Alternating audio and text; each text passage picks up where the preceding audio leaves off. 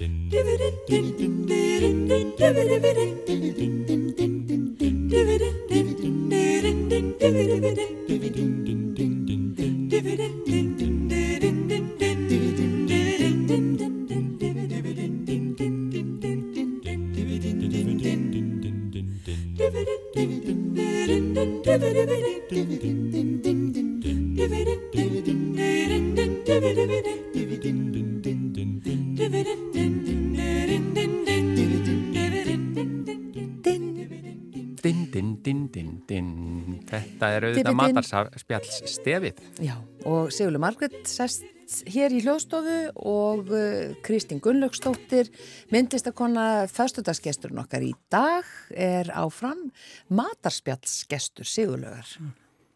Velkomin. Takk. Ég ætla að reyna að vera mjög formleg og kurteis, en held samt ekki. Um, sko, í rauninni er ég fegin því að þú eru ekki að fara á miðilsfund til þess að ná sambandi um mömmuðina Já. þegar hún bakaði eplaköku og, og, og gaf okkur Já. að því ég fekk uppskrutina. Á miðilsfundi? Nei, nei, nei, ég er bara svo feina að það þurfti ekki að fara á miðilsfund. Allan ekki oft. Býtu, nei, bara eins og niður. Að því að sko eldamennska mömmuðina var náttúrulega eins og kannski komið fram, þú veist, svolítið sænska eldúsið. Já, það var náttúrulega bara dásanlegt að alast upp í það. Hún gerði náttúrulega 408.000 eplaböggur þannig að ég vonu það að vera hitt á eina goða. Já, það er svona eplakaka með um, marsipanni Já. og flórsikri, stórkoslega, bara svo að það komið fram. Hljómar vel. Já. Og fegstu uppskriftina? Já, ég með uppskriftina og baka hana oft sko. Já, já ég fæ hana kannski hjá. Ég hefði, ég skal lána hana. en þegar þú, Kristín, varst í Róm og varst í, í, í hjónununum, mm. hvaða mat voru þær elda fyrir ykkur? Já, saga að segja frá því, passa nú mjög í þennan þátt. Þær voru með risastórt eldhús, það voru 200 nunnur í húsinu mm. og þær voru með gríðarlega stórt eldhús þar sem þær voru með mjög góðan mat og elduðu og ég beigð alltaf spennt eða fyrst. Ú, hvað verður þetta? Og þá var það opið eldhús fyrir smælingjan á göttunni. Já. Þannig að nunnurnar fengu afgangana frá deginum þar á undan sem var vernilega búin að setja í einhverja kásu þá eða eitthvað. Já, hann tala um svona byggsimat. Það var eitthvað svona að það var ekki það besta á eldhúsinu og þær vildu hafa þetta þannig. Það besta fer til þeirra á göttunni og það þurfti lífverði og það þurfti játrimla og svona því þetta var fólki í alls konar ástandi en þau fengu alltaf mjög gott að borða mm. þarna. Já. Tókst þú einhvern tíma þátt í því að... Nei, nei. Mér, þar var það eina sem þar voru mjög skýrar, þarna ferð þú ekki inn, því það þarf alveg sérstatt fólk í það. Já. Það er allt mögulegt sem getur gæst. Innflytjenda, erjur og glæpagengi og bara smælingjar að alls konar, unga stúlku sem áttu mjög erfitt og fíknefna neytundu náttúrulega. Já, já, já. En um, þær voru samt alveg miklar matmæður. Þær kentu mér að drekka rauðvin Ég kom bara frá Ísland og drakk aldrei neitt. Nei. Ég bara drakk, ég glemdi því algjörlega í því sem ég hafi verið að gera. Þannig að þessu, þetta gengur ekki. Já, þú glemtir að drakka? Algjörlega. En má nefna það einmitt að pappiðin, hann var nú svolítið duglegur að brugga í. Já, skilur. Þetta er kannski talsverð afleifinga því að hann var með heimabrugg, eitthvað duftu pókum sem honum fannst algjörlega ganga upp. Alveg frábært, bræðaðist vel. Fyrfirandi maður minn þá hann sagði og maður bara sopnaði strax að fyrsta klassinu. Já, nei, það var auðvitað ekki mjög, mjög skemmtilegt. Ég drakk það ekki en þær sögðu við mig hérna, ég svo drakk vín, við drakkum vín. Já. Já. Það var rauðvín á hverjum einasta degi, háttegis til háttegismatarins og, og kvöldsins líka en ég sá ekki endilega, það var ekki þannig að þeir drikju til að fá áhrif að sjálfsögðu, þetta var bara hluti að þeirri ítösku matamenningu sem þær voru aðlega sig. Mm. Um, þær voru með bara svona buffi en það var mjög látlaust sko, mjög látlaust, heiðalegt íslenskt sveitaheldus og fórstu þá út í, út í bæ eða niðri bæ til þess að fá eitthvað annað inn á milli? Nei, ég var bara eina af þeim og bara var á vinnustofun á mótnana, skust niður í og borðaði með þeim, þar voru alltaf svo skemmtilegar. Ég vildi alltaf hitta þær. Þú voru svona stór ringborð í salnum og það var sko engin þögn Frans frá Assisi, hann sagði enga þögn hér, nú hafið þið bara gama þegar þið hittist. Þannig að það var alveg bara svona skvaldur og óbúslega mikið hleið og ég byrjaði einhvern veginn, ég er svo meðvirka öðlisverði, ég byrjaði bara að hlæja um leið og ég kom inn í salin. það, var, það var allt svo jákvægt og, og þær, þær hérna kendu, eða kendu mér ekki, en ég bara smiðtast að því mjög fallegu matafennjum. að þær tömdu sér það og það var hluti að svona reglunni að fylgjast með næsta manni eh, hvort að vanhagaði um eitthvað. Vatn, brauð, taka diskin, ganga frá fyrir hann. Þannig voru að slást um að gera hver annari greiða. Og þetta var svo fallegt og rann svo falleg og smurst þetta voru ekki að slást en það gerði svo mjúkt og fallega. Þannig að ég áttaði mikið á því mér vantaði aldrei neitt.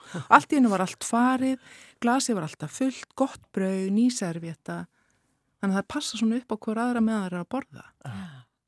Já. ég held að þetta gerir allan mat stórkostlega það er þessi gladvarð sem fylgir við borðið og vera umhugað um næstamann og hún líði vel mm. hann sé líka með í umræðinni alveg sama hvaða aldur, whatever, skiptir engumáli og um, hafið það sem hann þurfi og aðeins meira. Svo dekraðar hans og laumaðar einhverju góði keks, stykki eða litlun súklaðibita. Þetta var bara eitthvað svona eitt lítið. Það var ekki einhver hlussu tertust neið, sko og já, sko heilagur Frans var náttúrulega hann var náttúrulega miklu partístuði alltaf þannig að þetta auðvitað hefur hann kunni þetta. alveg. Partíin í honu voru vist alveg eh, geggjöð já, hann kunni þetta alveg. Því að þær heldur reglulega partí og veistlur þar sem þær skemmtu sér í reglunni. Já. því þær náttúrulega þurfa að huga að andleiri velferð sinni og þær eru ekki bara njánum allan daginn og að sinna einhverjum út af því það sinna líka sér. Já. og hjálpi mér hvað ég skemmti mig með þeim það voru óborganlega grímuböll það voru þannig grímuböll að ég hef ekki talað um það mikið sko og ég segi þetta bara í trúnaði við alla þjónina, þjóðina að þetta er eitt af finnasta sem ég séð á æfinni. Sumar voru þessi minnsta einn, hún var frá Spáni og ég held hún hafi verið svona 1 og 10 og hafið ákvæmlega lágvaksinn, kona og sterkleg og hún klætti sig upp sem pávan á þessu grimba Vitið þið, felt ég yrði ekki eldri. Og svo, svo stæsta frá Spáni eh, mjög hávaksinn og kraftmikil hún klætti sig upp sem kardinálan og var alltaf með henni. Þannig að það var svona metismunur á millið þeirra en, en þær hlóðu náttúrulega mest sjálf og þarna já já það var hans og Greta. Þetta er ég myndur konur um áttrætt. Það, klæði, veist, það tók þetta alla leið og skemmtilegt. Mjög skemmtilegt. Og þarna gerði þær svona aðeins meira við sér mat og þær drukku uh, gott vín með og svo spilaði einhver á flíil sem hafði ekki verið stiltu síðan á heimstyrjaldinni síðari. Og þær skemmtu sér konunglega. Þetta er eins og bara einhverju fallir, fallir bíóminn en sko Kristín, ég verð, ég verð bara til að losa þetta Já, já, silla mín. Já. Sko, þú komst einhvern tíum til mín og varst, ég baði að vera semst, um, gestur hjá mér í, í Matri Fröðlu og bjóst nú við einhverju aðmundi sláðu gegn. Já. Þú gerði það, það, gerði það vissu leiti en þú komst með uppskrift að lasagna Já. og sagði ég er alveg frábæri lasagna og ég er alveg æðislegt. Já. Af því ég er búin að búa átta ára á Ítalið þá veit ég allt um lasagna. lasagna sko. Þá mætir þú með knorr mm -hmm. duft og ég spyrði þig, ertu enn að gera svona lasagna? Alltaf gerir þetta reglulega, þetta er svo gott og ég bara gerir þetta og tilinga þetta bara öllum einstæðum í öllu, foreldru, foreldri eða bara einstæðingum eða einhver sem kann ekki elda, þetta er bara aðeinslegt. Þetta er knorlasanja og fæst í bónus. Já.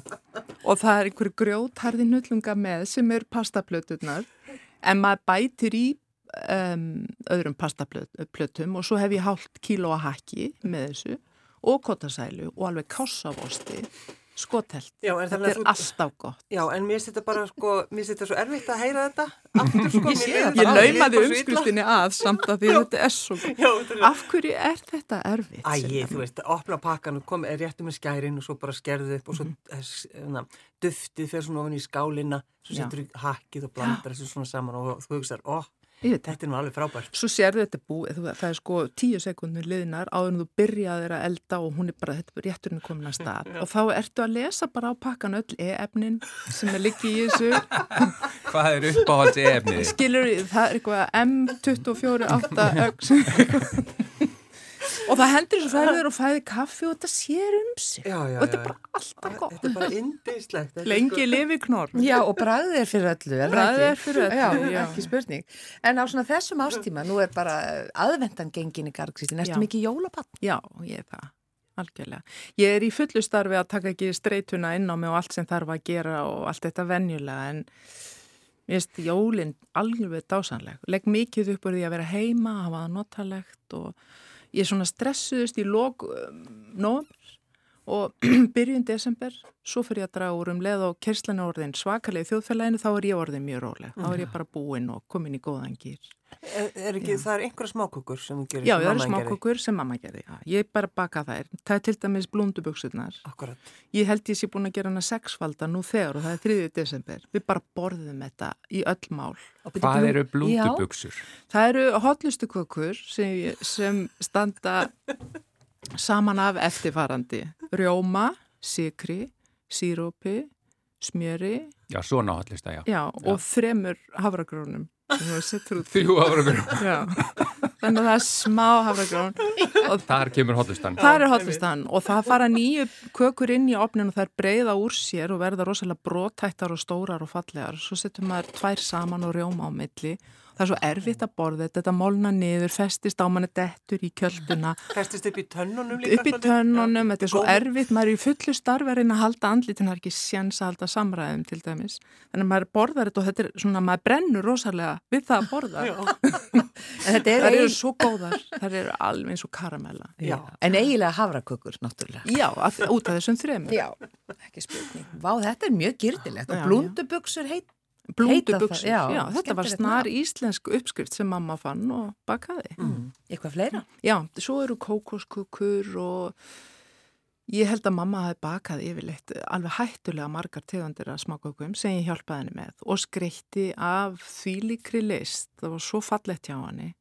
Þannig að ég gerir kannski eina tvær núna, kókoskukum með svona appilsínu bitum og súkulæði, það eru mjög góðar hjá henni, það eru svo mm. mjúkar og, og svo þessar blóndubuksur svo bara fer ég bara í búðina eða íkja og kaupi bara deg og baka það og fæ bara lyktin í húsin mm. minnst það bara fínt. Ég er svo ánægðar að heyra þetta, það er Skinn. knorr og íkja kökur. Þetta þú er bara alveg að mínu skapi. Er það ekki? Og íkja glöggi það er sænst og ég veit að mamma hefur verið heimiljöfand að geta farið þessa leið líka. Akkurat.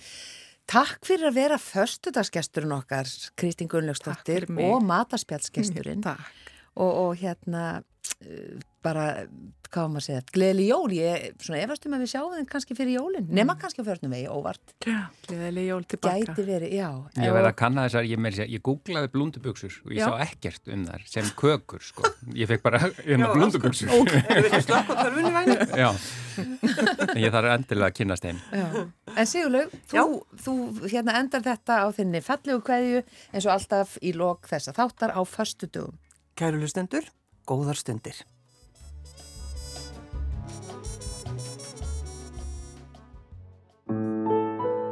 Þú ert að hlusta á rás 1.